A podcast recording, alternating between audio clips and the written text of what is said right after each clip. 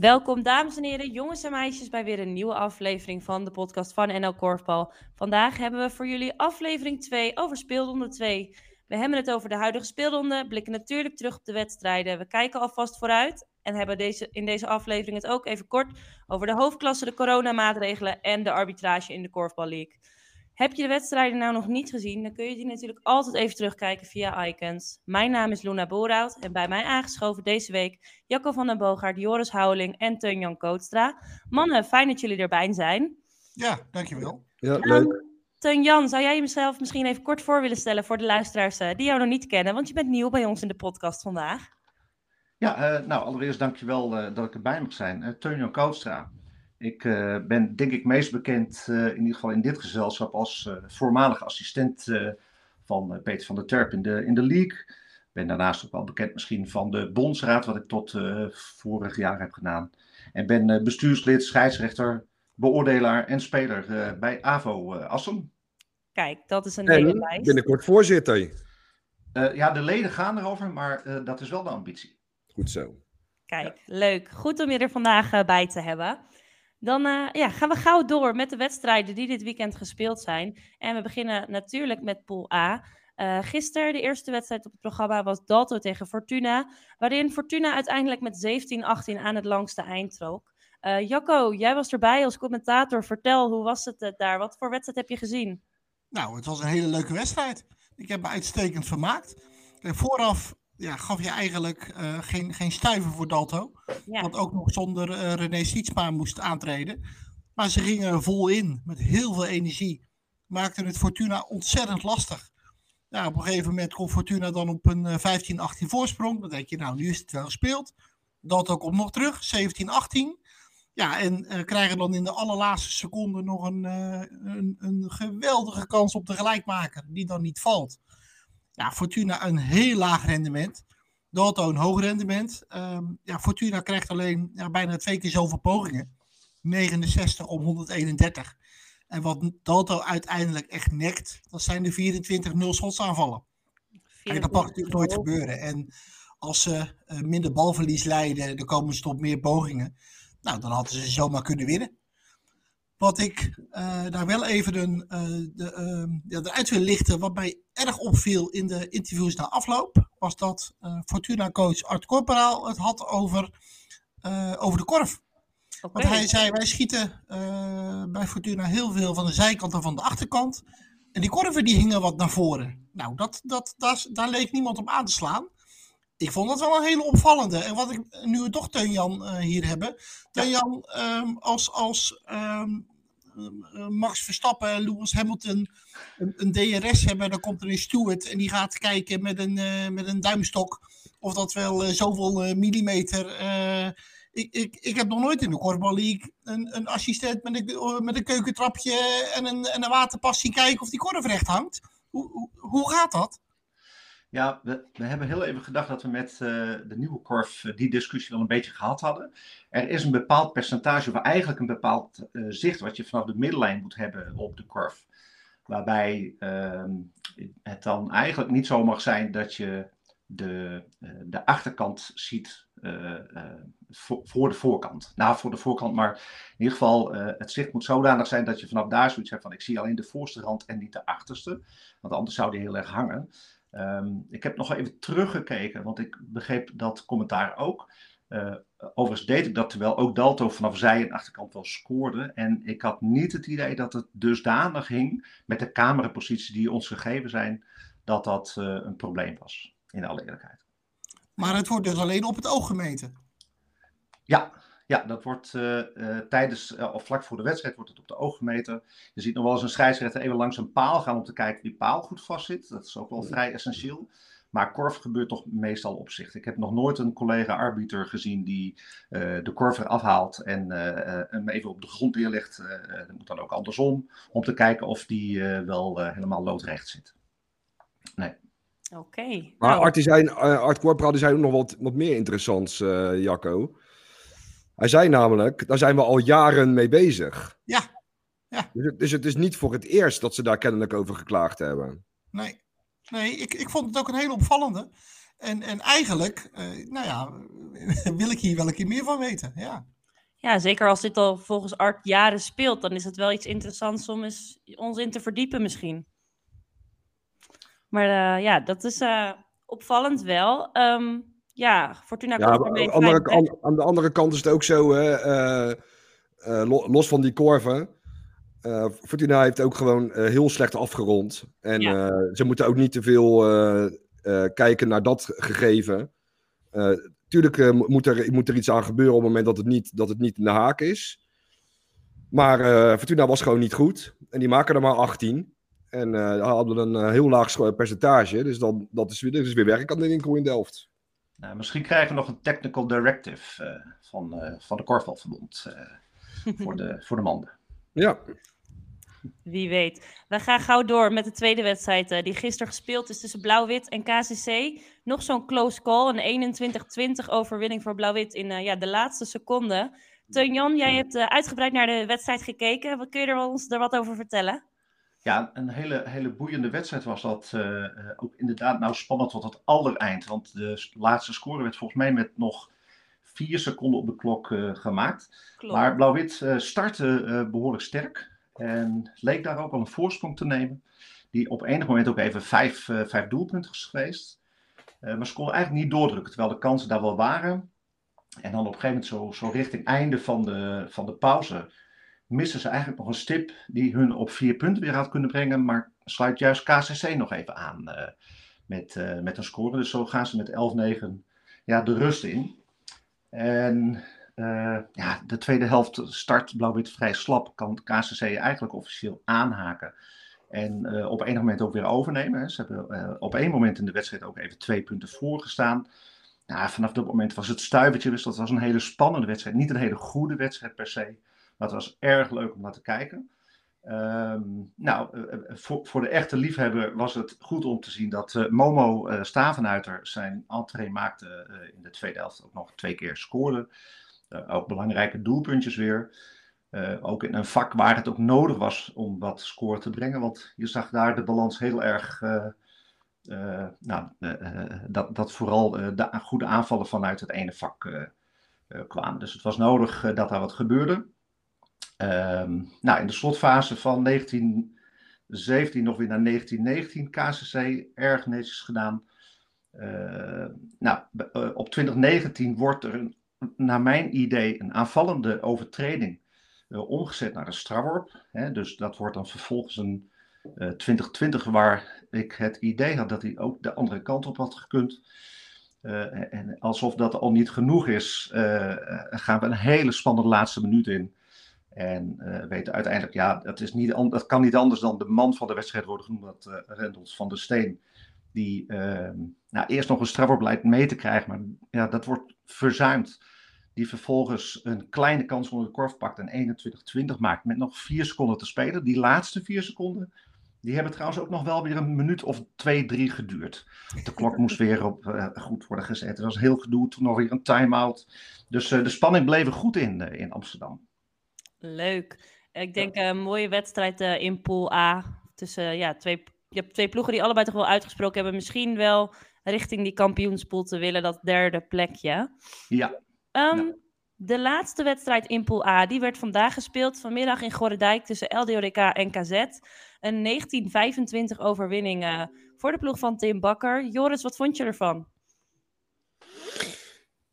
Uitermate goed KZ, eerste helft. Met een uh, idioot hoog uh, percentage wat ze halen. Met een hele goede Haars en een hele goede Lipke. Die met z'n tweeën volgens mij 10 of 11 goals uh, meenamen. Heel matig LDODK. Uh, eh, vooral aan de meidenkant uh, niet goed. Um, ehm, 17-7 met rust uiteindelijk. En nou ja, LDODK wint dan tussen aanhalingstekens wel de tweede helft. Maar het was allemaal niet best. En LDODK die heeft nog flink gewisseld. Maar een meer dan terechte overwinning voor KZ. Die eigenlijk ja, ik denk Dennis Dovers wel een beetje mogen gaan bedanken. Want uh, die heeft hem denk ik uh, op scherp gezet uh, een paar dagen voor de eerste, eerste competitieronde. Want daar hebben ze, ja, het lijkt wel een soort, ehm, ja, hoe moet je dat zeggen? Ja, hij heeft ze wel geïnspireerd, lijkt het wel. Want ja, het KZ presteert echt ontiegelijk goed. En bij LDODK uit winnen op, op zo'n manier, dat is echt uitermate knap. Ja, want de wedstrijden tussen LDODK en KZ zijn meestal wel spannend. Maar zo'n groot verschil zien we daar meestal niet. Nou, dat was eigenlijk helemaal niet zo spannend. Want uh, KZ die heeft uh, eigenlijk vanaf de beginfase eigenlijk gedomineerd. En ja, het, uh, die waren gewoon veel en veel en veel beter. En, vooral uh, de, de, de, dames van, van LDODK mogen zich dit wel aantrekken. Want poepoe, dat viel allemaal niet zo mee.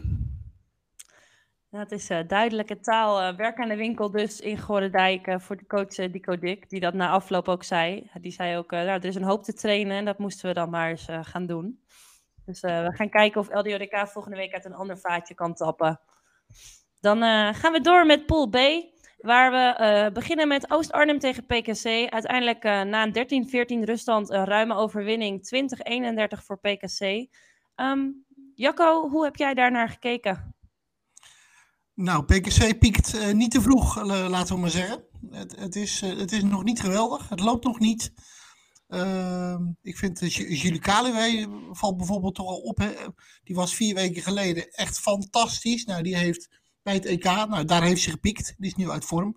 Maar goed, het is niet de enige bij PKC die, die echt nog niet in vorm is. En um, je ziet ook aan PKC wel een beetje, het, het hoeft nog niet, tuurlijk. ze, ze willen wel winnen. Dat doen ze uiteindelijk ook. Maar uh, ze kwamen gisteren met 8-12 voor. Nou, normaal gesproken zijn ze dan weg. Zeker tegen uh, ploeg als Oost-Arnhem. Nu kwam Oost-Arnhem nog terug tot 13-14 bij rust. Nou, dat doen ze ook gewoon heel erg goed. Ja, de tweede helft komt uh, Zita Schreuder. Die viel geweldig in. Ja, dan loopt de PKC uiteindelijk makkelijk weg. maar overtuigend was het niet. nou, en dat, nogmaals, dat, dat hoeft ook niet. Kijk, um, Art Corporaal zei gisteren eh, bij Fortuna van deze hoeven we niet te winnen. Want als Dalto straks naar de kampioenspool gaat, dan raken we deze punten toch weer kwijt. Nou ja, dat eh, geldt voor PKC Oost-Arnhem. Degradatiepool bedoel je? Ja. sorry. Nou, dat geldt voor PKC versus Oost-Arnhem waarschijnlijk ook. Um, Roby de Rijken, 17 jaar, maakte het debuut in de Korfbal League. Scoorde meteen uh, in de eerstvolgende aanval Um, Rick Verdouw maakte er acht. Dat was krap. Maar Oost-Arnhem had er niet zoveel aan. En uh, ja, nou, uiteindelijk wint PKC uh, ruim 31-20 door naar de volgende. Nee, maar kun je nagaan, hè, Jacco? We hebben het over een uitslag van 20-31. Dat is gewoon een uitwedstrijd waarin je met 11 verschil uh, wint. Ja. En uh, dan hebben we het erover dat het eigenlijk helemaal niet zo denderend was. Ja, dat was, was het toch ook niet? Nee, het was het ook niet. Maar ik bedoel, dat, het geeft maar aan dat, het, dat, uh, dat de, de topploegen, dat, dat geldt misschien voor PKC, maar ook zeker ook wel voor Fortuna, die, die willen op dit moment ook nog helemaal niet goed zijn. Nee. Nou, en dat zie, en dat zie je duidelijk ook wel terug. Nou, wat je ziet, en uh, PKC en uh, Fortuna en in iets mindere mate LDODK, hè, die hebben we allemaal wel opgeschreven voor de play-offs. Ehm, dan, dan hoeft het misschien allemaal nog niet. Nou ja, dan zijn de ploegen die wel al goed moeten zijn nu, hè, omdat ze minimaal voor plek 3 in de huidige pool willen gaan. Ja, de ploegen die daarvan profiteren doordat ze uh, een, een, een stuk neerzetten, ja, die gaan hele belangrijke punten pakken in de strijd om plek 3. Dat uh, is zeker waar. Um, ja, dan gaat het nog misschien nog wel eens heel spannend worden in allebei de pools natuurlijk. De tweede wedstrijd dan die op het programma stond, was ook wel een hele belangrijke. Tussen Top en Groen-Geel. Uiteindelijk uh, trok Top met 26-23 aan het langste eind. En noteerde zij de twee, eerste twee punten van het zaalseizoen. Joris, wat voor ploegen heb je zien spelen? Hoe zag het eruit wat jou betreft? Nou, ehm, het was een hele cruciale wedstrijd. Ja. Waarin Top terecht gewonnen is. Trouwens wel gesteund door, door heel wat publiek, leek het op de stream. Dat leek wel alsof er 300 man in die zaal zaten. En dat, en dat kon je ook wel een beetje zien, doordat uh, als er gescoord werd, dan, dan, dan vierden de, de spelers van top dat ook met het publiek. Dus het leek wel alsof er heel veel publiek zat. dus dat vond ik ook wel heel opmerkelijk. maar eigenlijk, uh, het, het verhaal wordt eigenlijk achter, achteraf verteld door Daniel Harmsen. Ja. Die, die in de interview na afloop eigenlijk gewoon aangaf van, dat dat, je, dat, dat, dat talent eigenlijk alleen niet voldoende is, maar dat er ook gewoon hard gewerkt moet worden. En nou ja, het lijkt wel alsof, of, alsof er een beetje een deken over groen-geel ligt. Dat hebben we vorig jaar we in de podcast ook wel eens gezegd. Het lijkt wel alsof die ploeg zich niet doorontwikkelt. En ik heb, op, ik heb ze ook gevolgd, weliswaar op hele grote afstand op de veldcompetitie. Dan spelen ze hoofdklasse. En dan las ik ook al dat Daniel Harmsen al vaak genoeg aangaf dat ze wedstrijden niet kunnen beslissen. En dat ze daar moeite mee hebben. En ja, het, het, het, het, het baart mij eerlijk gezegd wel een beetje zorgen. Want ehm, ja, wat ik net al zei, eh, die ploeg, die, het lijkt wel alsof, alsof ze zich niet doorontwikkelen. Ze hebben ook ontiegelijk veel wissels nodig om, uh, om dingen te, te proberen te repareren. Ja. Nou, vorige week tegen Oost-Arnhem was het, uh, was het ook maar met vier verschil. Dus ja, ik zie het wel heel erg somber in voor Groen-Geel. En ja, nou ja, en voor Top was het natuurlijk een ontzettend belangrijke overwinning. Waarin kennelijk uh, er een tomatensoep aan te pas moet komen om twee punten binnen te halen. Nou ja, dat, inderdaad. Ja, en ik wil daar überhaupt, want ik maak er nu een grapje over, die misschien wel helemaal niet zo grappig is. Maar na afloop uh, stonden er twee coaches, waar, waarvan ik eigenlijk überhaupt al niet begrijp dat die naast elkaar gaan staan voor, voor, een, voor een microfoon. Maar of achter een microfoon. Maar dan probeert uh, Marco Zwicker, die probeert condolences over te brengen richting, richting de familie Schuiling, omdat een opa is overleden. En dan gaat de volgende, die gaat praten over dat, dat ze zo lekker tomatensoep hebben gegeten en dat hij daardoor wist dat ze al zouden winnen.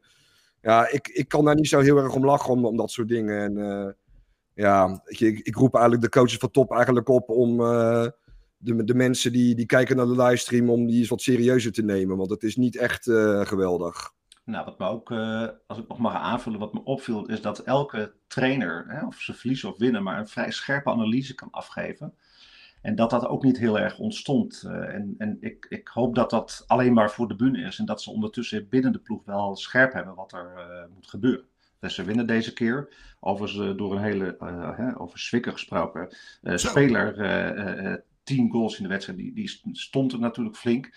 Maar ik hoop dat de, de, de trainers uh, in hun analyses uh, in de wedstrijd daar uh, beter mee uit de voeten komen in ieder geval. Nou, daar, daar wil ik wel even op, op, op inhaken. Ehm, na de wedstrijd werd ook gevraagd van, nou ja, jullie hebben gewonnen. Dus ja, we waren gewoon beter. Maar ze hadden eigenlijk geen idee waarom ze hem hadden gewonnen. Ze kenden de percentages niet, dat moesten ze terugkijken. Dan vraag ik me af, waar is het o zo professionele top uit de tijd van Niebeek gebleven? Toen er gewoon tijdens de wedstrijd iemand real-time de statistieken in de gaten hield, direct een lijntje had met de staf, zodat ze direct wisten hoe ze ervoor stonden. Kijk, dat je momenteel minder kwaliteit hebt, dat, dat mag. Maar het lijkt wel alsof ze die hele professionele organisatie hebben opmanteld. Nou, dat lijkt me doodzonde en onnodig. Nou, moet ik ja, nee, ik ben het er wel mee eens hoor, zeg ik eerlijk. Maar uh, we moeten ook, uh, wat ik ook, wat ik eigenlijk een beetje vergeten was, is dat inderdaad, uh, wat Teun Jan aangeeft, Zwicker was echt geweldig, maar ik vond Tichelman ook echt heel erg goed. Ja, Mostard, speelde een, uh, Mostard speelde een ontiegelijk goede tweede helft. Tessa en, Winter? Uh, die jongen die van, van, van de Zaag, die, uh, die voor het eerst in de basis stond, heeft het heel goed gedaan. Ik kan ook echt, echt ook wel genieten van Demi Postma, die als een, als, als een beest had te verdedigen tegen Susila de Klein. Dus ze waren gisteren ook gewoon beter. Maar, dat, weet je, maar al dat gedoe eromheen wat Jacco net aangaf, wat Jan net aangaf, wat ik net ook heb aangegeven. Dat is allemaal zo ontiegelijk jammer. Het is helemaal niet nodig om, om zo met onze sport om te gaan.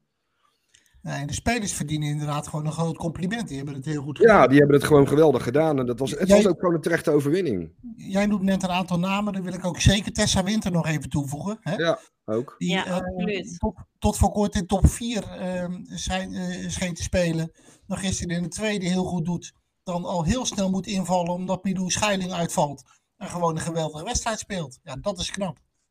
En dat deed Picard nog niet eens mee, hè? Nee. Nee, nee en uh, uiteindelijk zeker een knappe overwinning uh, van top met uh, hele belangrijke punten. Dan gaan we gauw door naar de laatste wedstrijd die gisteren gespeeld werd. DOS 46 tegen DVO. 22-31 overwinning voor DVO. Teun Jan, wat vond je ervan? Ja, dat uh, was van tevoren in ieder geval uh, in de handen wrijven. Want dat zou echt de wedstrijd zijn wat mij betreft van, van die pool dit weekend. Ja. En nou ja, Daniel Hulsbos gaf het commentaar bij, bij Dostens veel heel prettig om naar te luisteren. Maar dat zal zijn omdat hij in Drenthe is en ik ook inmiddels. maar goed, die, die zei van tevoren, Chris van Haren zie, ziet hij als de meest onderschatte speler in de league. Nou, dat was niet aan Dovermans horen gericht. Want Chris van Haren was enorm, enorm belangrijk in die, in die beginfase. Eigenlijk in de hele eerste helft. Eigenlijk heeft hij natuurlijk met zijn team, maar eigenstandig alle illusies voor DOS direct in de eerste helft om zeep geholpen. Wat was hij, wat was hij sterk? hij liet in de eerste helft al vijf treffers noteren. Nou, DOS 46 daarentegen was ja, slordig, eh, zeker in de beginfase, vaak tegen de schotklok aan. Een beetje ongelukkige kansen. Ze kwamen gewoon niet zo heel erg in het spel. Verdedigend uh, wilden zij het DVO moeilijk maken door direct in het begin al pressie te zetten. Uh, althans, zo werd voortijds al aangegeven door de, door de coach.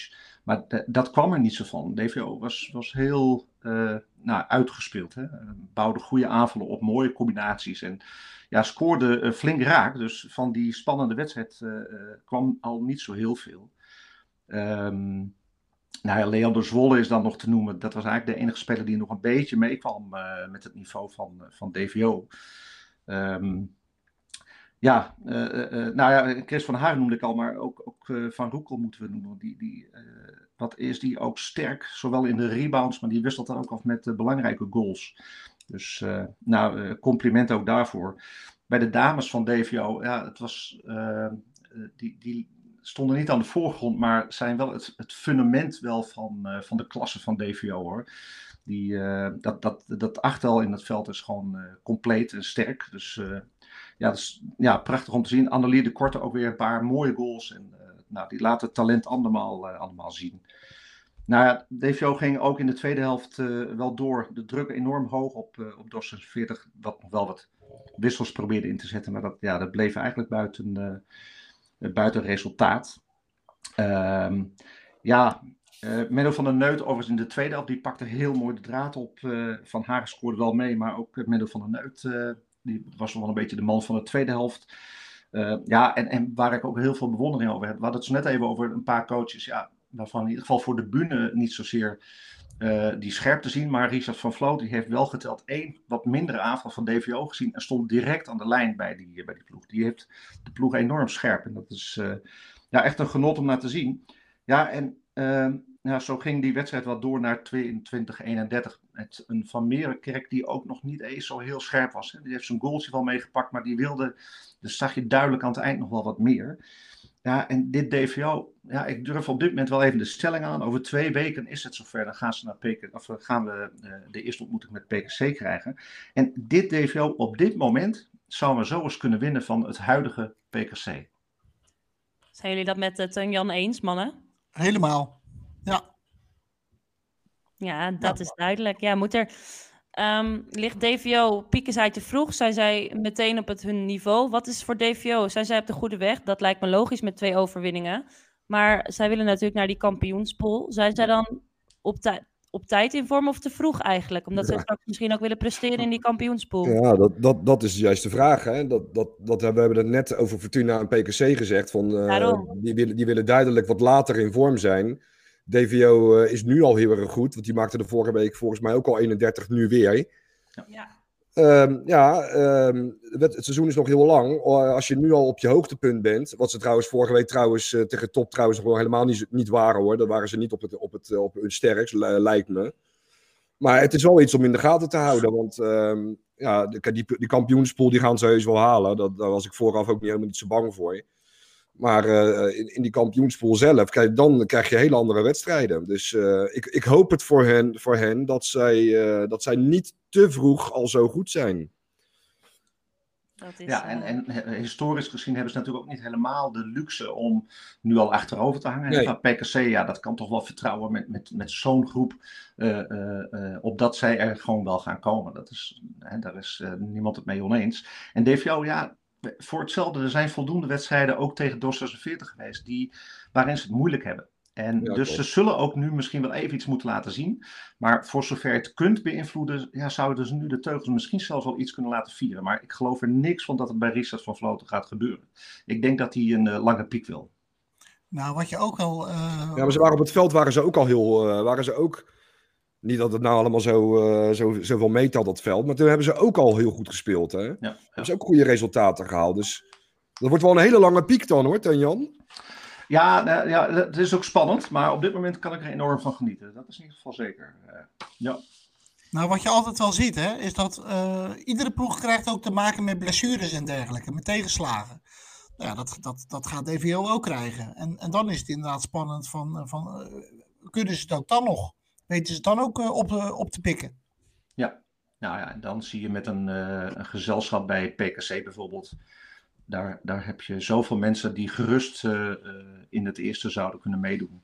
Ja, dat, dat kan bij DVO een zwak punt zijn. Maar dat moeten we gaan zien. ik ben heel benieuwd.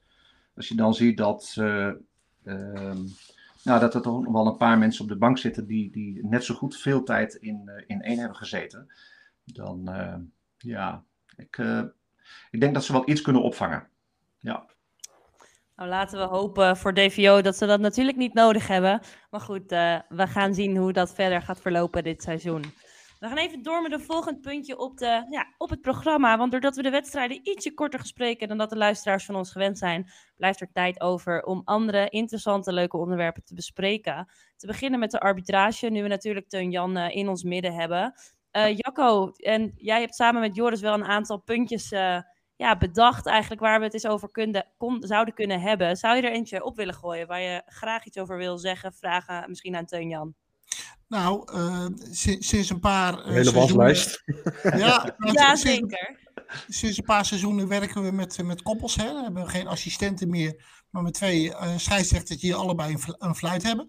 Ik ben wel heel benieuwd hoe uh, Jan daarnaar kijkt. En meteen in combinatie daarmee hoe hij kijkt naar het, naar het niveau van de arbitrage. En dan met name in de league. ja, nou, eerst, eerst even dat tweede. Ik denk dat in beginsel het werk met koppels echt een verbetering is. Of in ieder geval kan zijn. Je hebt, uh, ik weet zelf nog als assistent, dan ben je toch een beetje aan, aan de lijn gehouden. En natuurlijk stap je wel eens in. Maar je, je positie is beperkt. En daarmee ook je, ja, je zichtsveld. Dus met twee scheidsrechters los zegt dit, zich dat wel op. Um, dus ik vind het een verbetering dat dit, dat dit kan. Ik ben ook blij dat het naar de hoofdklasse is gegaan. Ja, qua niveau van de arbitrage. Um, nou, ik hoor veel de klacht uh, dat er echt fors wordt gespeeld, stevig.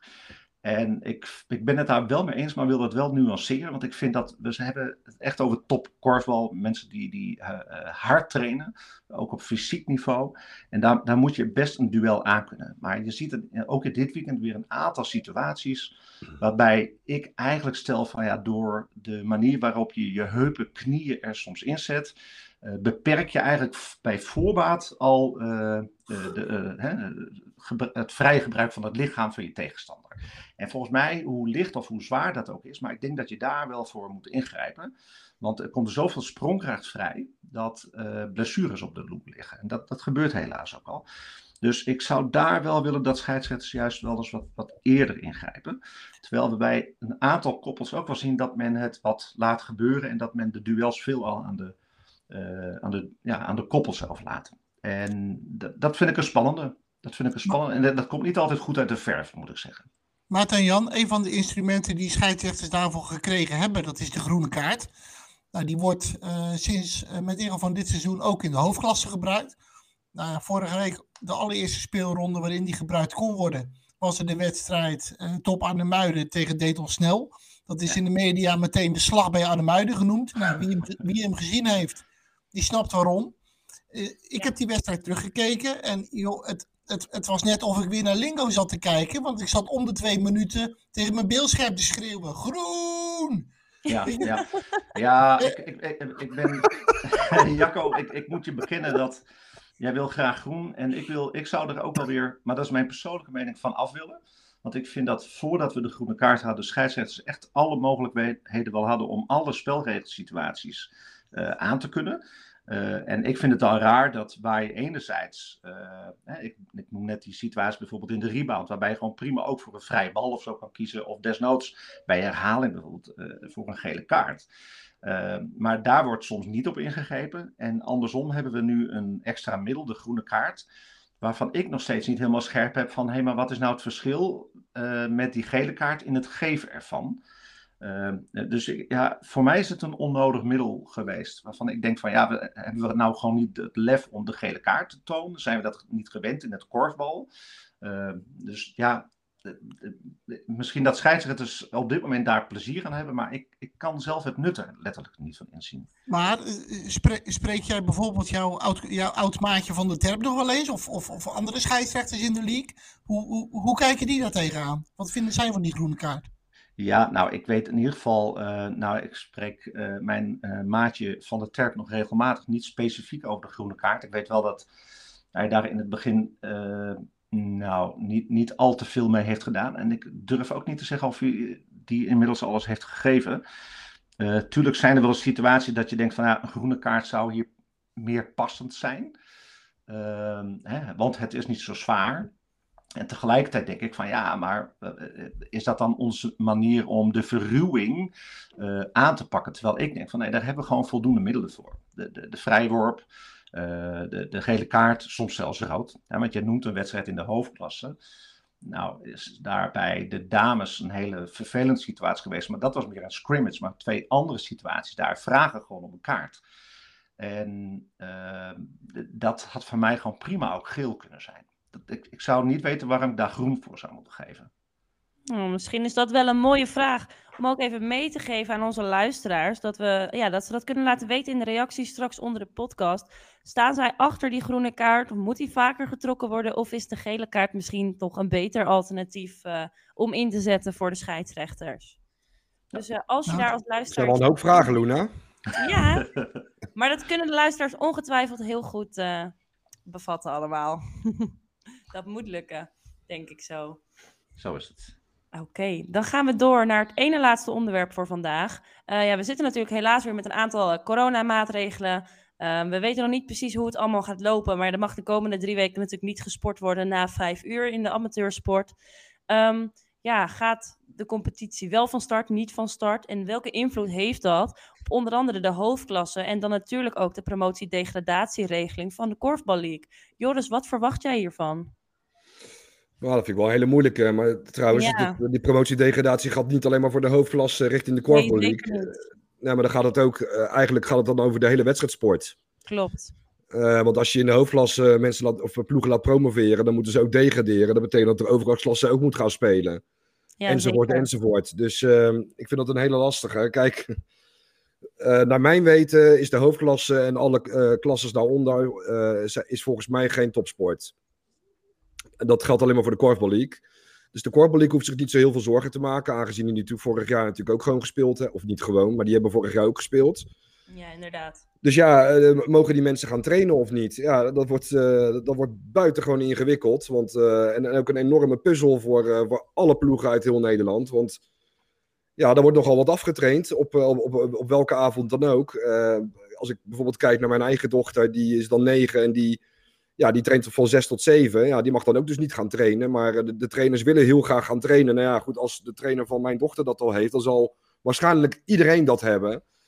Dus ja, er, zullen, mijns inzien, zullen er keuzes gemaakt moeten worden.